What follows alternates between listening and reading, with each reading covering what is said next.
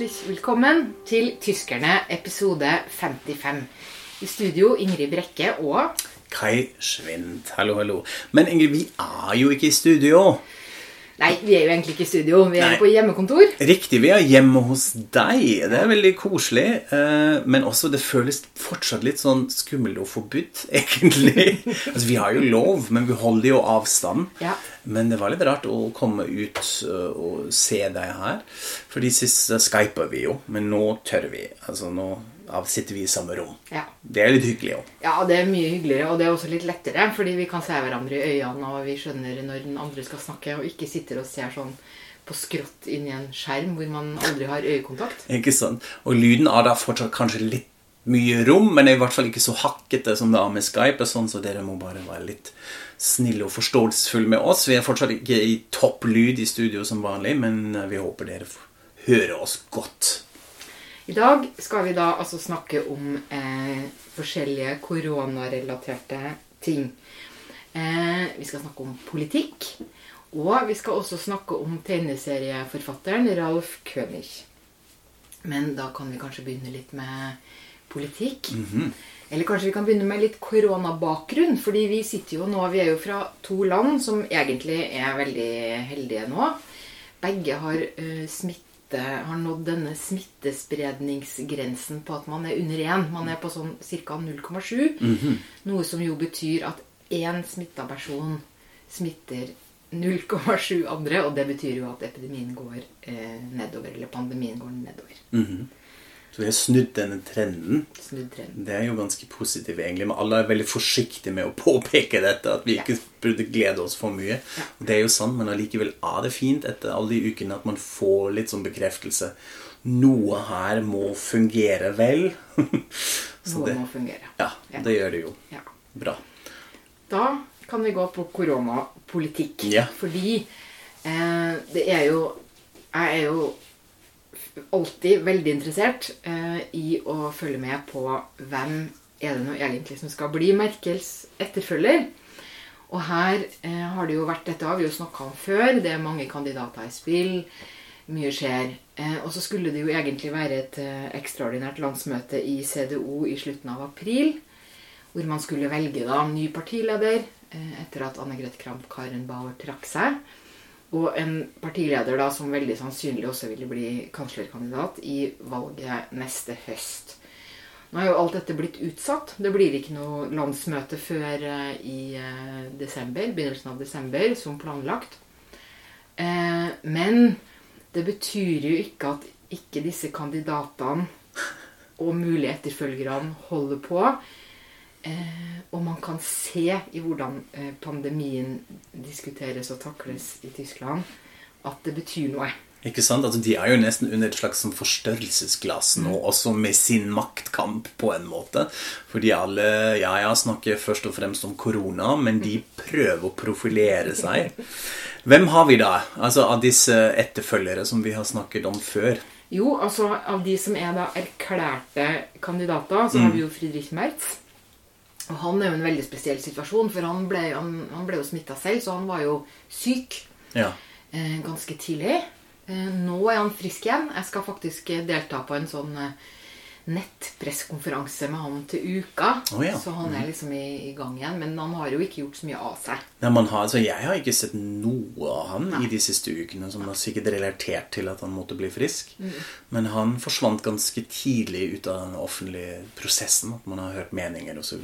Mm. Ok, men det blir spennende å se hva han har å si. Det må du fortelle oss om. Ja, det skal jeg gjøre. Hvem ellers har vi, da? Nei, så har vi jo de som er veldig synlige nå, nemlig helseminister Jens Spahn og eh, Armin Laschet, som er da statsminister i, i eh, Nordrhein-Westfalen. Eh, som er den delstat, den største delstaten, men det er også den som har vært hardest ramma av eh, koronasmitte. Og disse to skulle jo egentlig stille i et slags sånn tospann, da, hvor Laschet skulle være hovedperson og Span nummer to. Og nå kan man jo bare, dette er bare min egen spekulasjon, at det kan jo hende, når det kommer til krita og høsten og sånn, at Span ikke er like gira på å sitte i dette som å være sånn nummer to i tospannet, for nå får han jo virkelig markert seg. Ja, absolutt. Han har jo gjort det veldig bra i denne krisa, fått veldig mye ros for hvordan han har takla det hele. Eh, så det kan jo hende at han lar seg friste da til å prøve seg. Vi får se. Mm. Armin Laschet har jo også eh, vært synlig, og det, han har kanskje ikke vært like entydig heldig med det. Vi komme, jeg, jeg, jo, jeg kan faktisk lese litt nå. Jeg fant nemlig en eh, jeg, jeg, Det kan jeg ta etterpå. Ja. Eh, jeg kan ta etterpå. Vi kan, eh, først kan vi nevne en som også har erklært seg, men vært helt borte, nemlig Norbert Rødtgen. Han har vi heller ikke sett noe til. Og han har jo ikke noen sånn posisjon som er naturlig å, å holde på med i eh, disse tider. Men tror du virkelig at han faktisk ville bli kansler og profilere seg, eller var det med en sånn proform, proforma-ting? Altså, Jeg vet ikke, jeg tror det var litt fordi at han ble så irritert for at alle disse andre skulle drive sånn bakgrunnsforhandlinger i partiet. Og finne ut eh, liksom Nærmest fordele makta seg imellom og stille som et team og sånn som det var snakk om en stund. Så eh, det er ikke sikkert at han egentlig har ment eh, Eller i hvert fall kanskje ikke trodd. da Han har Ja. kanskje håpa, men han har kanskje ikke trodd. Ja.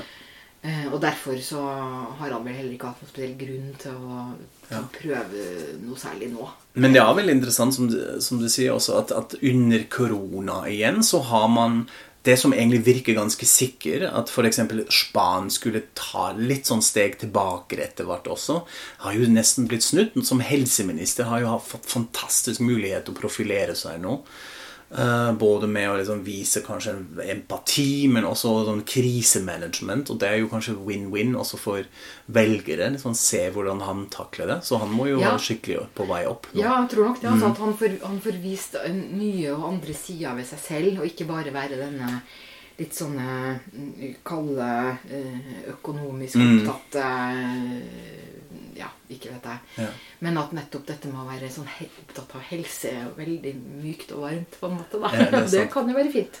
Og så har vi jo en til som plutselig kom frem. Veldig synlig. Som ikke har erklært seg. Han har jo ikke sagt at han skal stille, men han spekul det spekuleres jo enormt, da, og det er jo Markus Søder, som er statsminister i Bayern.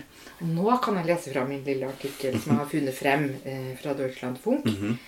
eh, fordi eh, eh, greia er jo at man hadde eh, tidligere denne uka et møte i, eh, mellom alle de som styrer de forskjellige delstatene hvor man skulle drive og forhandle om eh, hvordan man skal ordne det med koronatiltak og sånn.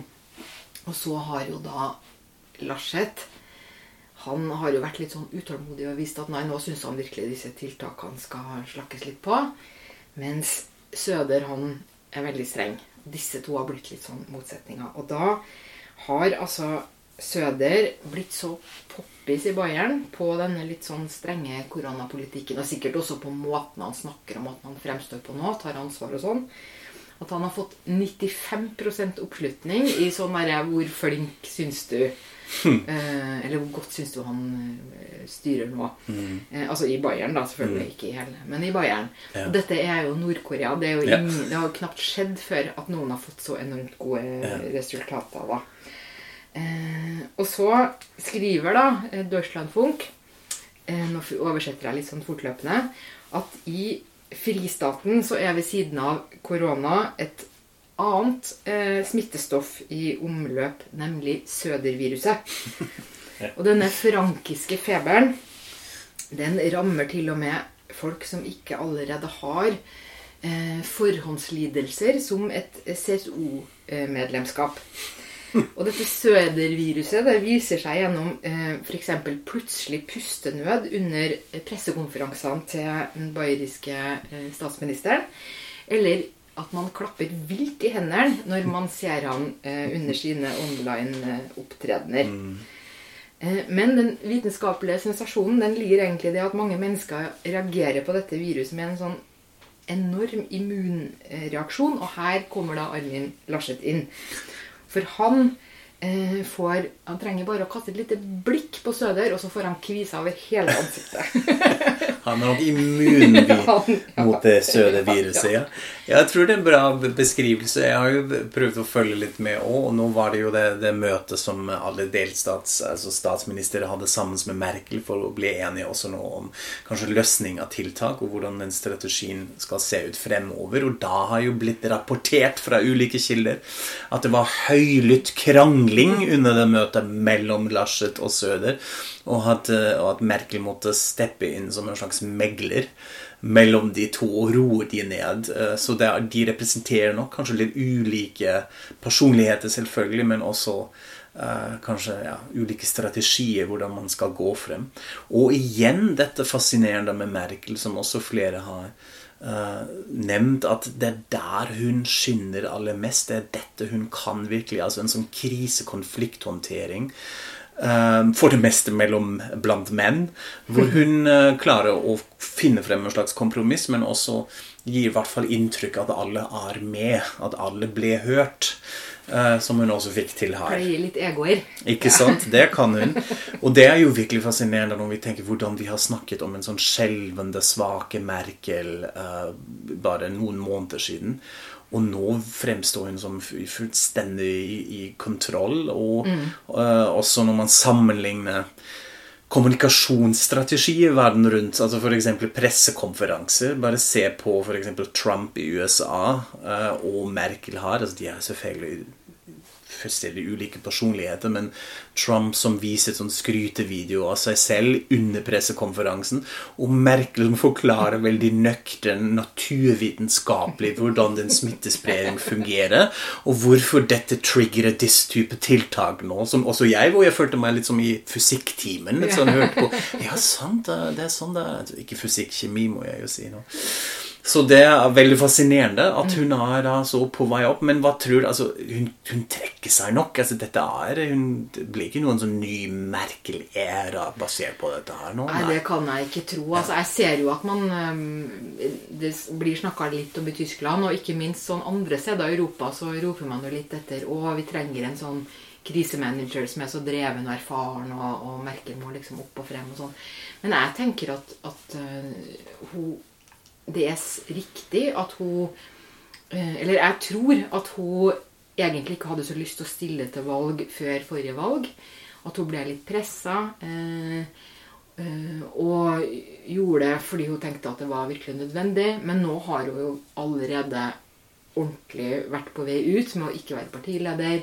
Jeg tror ikke hun har noe lyst. Og jeg tror også at alle skjønner, altså alle i partiet og ellers som holder på med politikk, skjønner at det går faktisk ikke an. Altså Du kan ikke eh, være på vei ut og så komme inn eh, fordi det er en sånn bølge av dette. For mm. dette går jo over. Ja, ja, og hva skal skje da? Da kommer jo på en måte det samme runden igjen og igjen og igjen.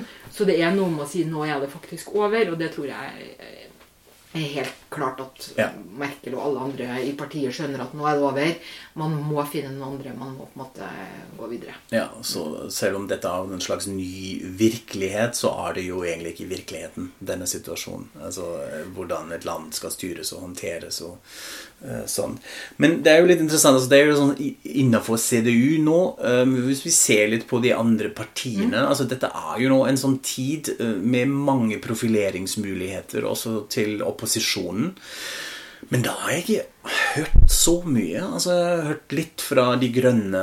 Eh, Karen Gøring Eckardt var jo ute og sa det er nå tiden at vi må revurdere um, betalingsmodeller for uh, folk som jobber i helsevesenet, sånn kanskje med en slags minstelønn som vi må komme frem. Hvor jeg mm. tenkte ja, fint, men stakkars SPD, det har jo vært en sjanse Det er deres kjernetema, men det fikk de ikke sagt selv. Man har vært veldig stille rundt SPD. Altså Kevin Kunat han uh, styrer mannen i uh, ungdomsavdelingen deres.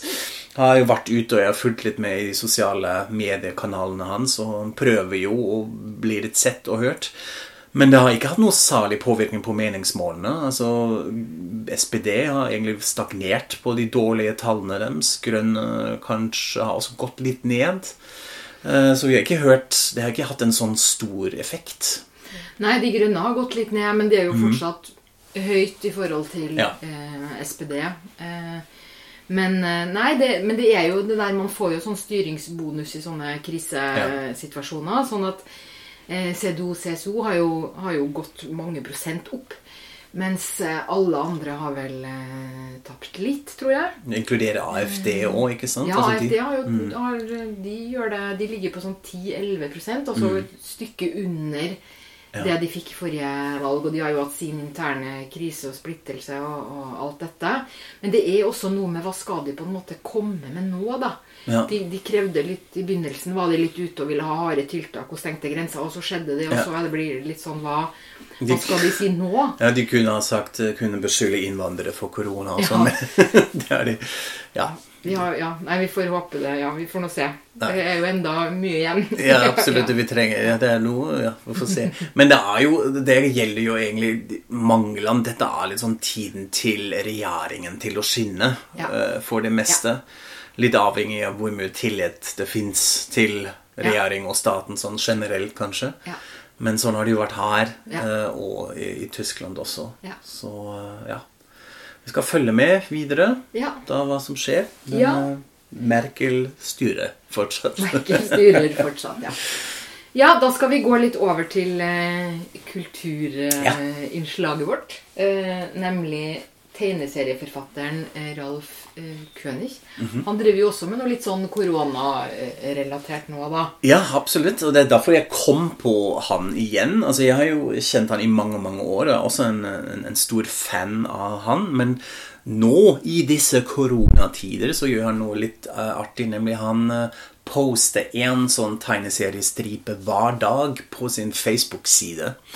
Eh, som etter hvert skal gis ut som en bok, som han poster. Og de er eh, ganske morsomme eh, og ja, behandler litt sånn koronarelatert tema. Hvordan klarer man seg i selvisolasjon og karantene osv. osv. Men man må kanskje forklare litt mer om han, fordi Ja. det er noe spesielt eh, med Ralf König. Ralf König er kanskje Tysklands mest kjente, og kanskje også da i Europa, egentlig, en, en av de mest kjente homofile tegneserieskapere. Det betyr at han også snakker om eh, det å være homofil, om homofili og sånne relaterte temaer i sine comics. Eh, og har sånn sett hatt en ganske spesiell og man kan kanskje si viktig sosiokulturell betydning eh, i Tyskland. Han begynte på 80-tallet. Først uh, i sånne underground comics uh, og bare portrettere homofilt liv eh, og livsstil og med en ganske grov humor. Altså Da var det veldig mye sex og nakne menn og så videre og så videre. Uh, og ble litt kjent da, men etter hvert på slutten av 80-tallet hadde han en stor suksess med en litt lengre historie som kom ut som en sånn, i en sånn stor bind. Eh, som var da litt mer mainstream spiselig, og som ble som sagt en stor suksess. Og det er Det bevegte mann. Den ja, man skal oversette det kanskje sånn Den følsomme mannen. Um, og da, for Det handler om en sånn historie om et, et, et heterofilt par som går fra hverandre, og han mannen da flytter inn med en homofil venn. Uh, og alt det han opplever da. Det er litt sånn lett, litt sånn boulevard-farse-tematikk, men det, det funker veldig fint. Og så blir det en film noen år senere som jeg tror til i dag er blant de mest sette, mest suksessrike tyske Altså en filmproduksjoner. spillefilm? En spillefilm, en realfilm. Ikke en animasjonsfilm, men en spillefilm med bl.a. Til Schweiger. Det var altså gjennombrudd til, til, til Schweiger, som ble superkjent uh, i den filmen. Eh, regissert av Zunk Wartmann, som er en veldig kjent tysk eh, regissør som har også veldig mye å gjøre med en sånn slags comeback til den tyske filmkomedien på, på 90-tallet. Det er litt morsomt fordi Ralf König selv lik, likte ikke den filmatiseringen. Han syntes den var veldig sånn litt småpinlig og stiv og heteronormativ og missa litt denne underground gaye edgen som han hadde håpet i, ja, som det skulle bli. Men uansett har det gjort masse med at han selv, altså Ralf König, også ble veldig kjent, og uh, tegneseriebøkene hennes ble solgt uh, mye mer. Så har han tegnet egentlig i ett siden denne tiden, og da er det kanskje spesielt én serie, kan man vel kalle det, som, som, som var spesielt interessant og morsomt å følge med, nemlig historiene om Konrad og Paul.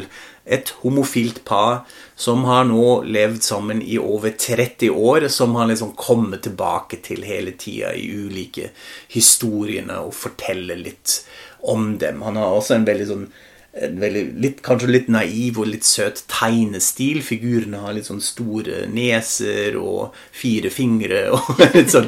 Altså det er en ganske morsom visuell uttrykk. Og i tillegg at uh, Ralf König er utrolig flink til å skrive replikker. Han har uh, en veldig morsom observasjonsmodus og er veldig flink til å bruke litt sånn altså høre på folk og hvordan de snakker, og, og få det inn i, i comic-stripene sine.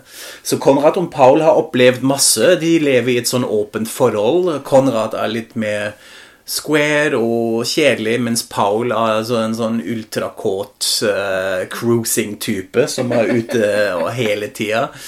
Eh, på godt og vondt. Eh, det blir iblant også ganske mørkt. Altså, han har også en historie hvor eh, Paul får hiv til slutt, og hvordan de to da takler med dette. Men i de siste, siste bindene handler det også veldig mye om det å bli eldre som homofil par. Hva skjer egentlig der, med kropp og sjel osv. Så, videre. så det er veldig mye Uh, selvironisk, uh, iblant litt mørkt, men for det meste ganske sånn tullete, flåsete humor. og Det er veldig morsomt uh, å følge med. Men så har han også gjort litt andre ting i det siste. Han har hatt et prosjekt hvor han jobber veldig med religionskritikk. tegner litt sånn rundt hvordan kristendom gjør det med islam. håndterer sånne spørsmål som homofili, f.eks. Og noe av det siste han ga ut, syns jeg var også veldig morsomt. Det var en en bok om evolusjon. Som, hvor man var litt med, med veldig mange hårete huleboere og sånn. Det også var veldig, veldig artig. Og nå er det litt sånn daglig koronastripe, så det kan vi bare anbefale. Gå inn, Han har et åpen profil, eh, så kan man få med seg hvordan Konrad og Paul klarer seg i selvisolasjon. I en av de siste så krasjer internettet, så satt de plutselig uten internett, og da var det fullstendig krise. Så. og så skal Paul ut og handle litt i det revemarkedet rundt hjørnet hele tida, fordi det er en sånn utrolig kjekk uh, filialleiter, vet ikke helt hva det er på norsk, altså sånn avdelingsleder, avdelingsleder som han må stirre på hele tida. Så det er litt eh, Det er ganske morsomt, og bøkene anbefales eh, selvfølgelig. Og Ralf König og hans verk. Ja. Bra. Da fikk vi en skikkelig kulturfordypning i dag òg. Mm. Eh, da er vi framme ved siste bolk, nemlig språkspalta. ja. Og i dag er det du faktisk som har med deg to Ja. tyske ord, Kai. Absolutt. De kom jeg på uh, i det siste. Den ene er kanskje også igjen litt koronarelatert, eh, men beskriver mest sånn effekten som man kan oppleve når man har vært veldig mye i selvisolasjon. Nemlig det å være ramdøsig, som det heter på tysk. Eh, ja, hvordan beskriver man dette? Dette er, jeg tror, best oversatt med å si at man er litt sliten i hodet. Litt sånn matt og morsi i hjernen. Når man har eh, vært for mye med seg selv, eller hørt på eh, superkjedelige foredrag og kanskje også kjedelige podkaster, som vi håper vi, vi ikke er. At man blir helt ramdøsig i hodet. Eh, og så er det litt sånn høres jo litt morsomt òg. Altså ramdøsig. Døsig kjenner man jo kanskje litt fra det norske òg. At man litt sånn døs bort. At man blir litt sånn trøtt og Ja, det høres jo litt ut som det samme. Altså Døse er jo at man er sånn i halv... Ja. Sover litt. Jeg tror altså det må være relatert, fordi vi har jo det samme på tysk. altså Døsen er jo også det. Sitter litt i stolen og døser Ja, litt, så at man er litt på vei ut og sliten. Men da beskriver jo da som en slags adjektiv altså mest effekten at man blir, har blitt sliten i hodet av noe. Mangla oksygen, dårlig musikk, kjedelige mennesker, eh, hva, det- hva det nok er. Så jeg syns det er litt eh, artig eh, å, å bruke. Og det andre ordet Ja. Og jeg vet ikke helt hvorfor jeg kom på den. Ingen aning, ikke viktig. Er ordet 'schmerzensgeld'.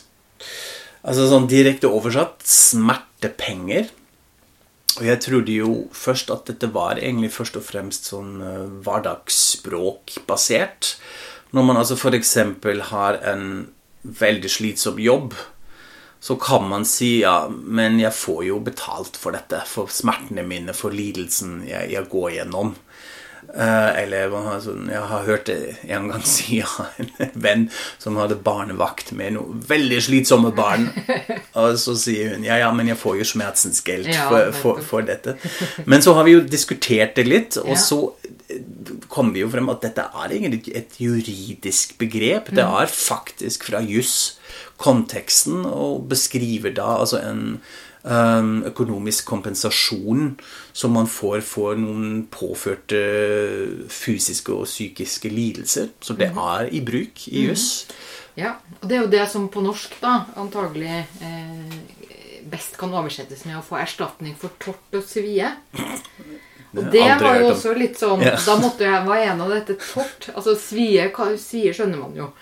Men tort Og da har jeg jo slått opp det, da. Og tort kommer fra latin, og det betyr urett. Så Ja. det er nettopp eh, en erstatning for at du har lidd eh, i- immateriell eh, skade for Ja. deg selv, på en måte, da. Ok, ja. Da er det litt mer sånn generelt urett og lidelse, men smerte går, har jo en veldig sånn fysisk konnotasjon. Smertepenger. Altså noen har påført Ja. deg smerte og lidelse. Ja, da vet vi det. Da vet vi det. Mhm. Og ingen trenger eh, smertepenger etter å ha hørt på dette, i hvert fall, håper vi. Håper vi ikke, nei. Ja. Så da gjenstår det bare å si eh, takk for oss, og eh, bare fortsett å kommentere og komme med innspill og alt sånt på Facebook. Det blir vi kjempeglade for. Eh, så ikke vi blir ramdøs av å henge rundt i sosiale medier. Eh, lik og del. Eh, takk for oss, og auf Wiederhören. Auf Wiederhören.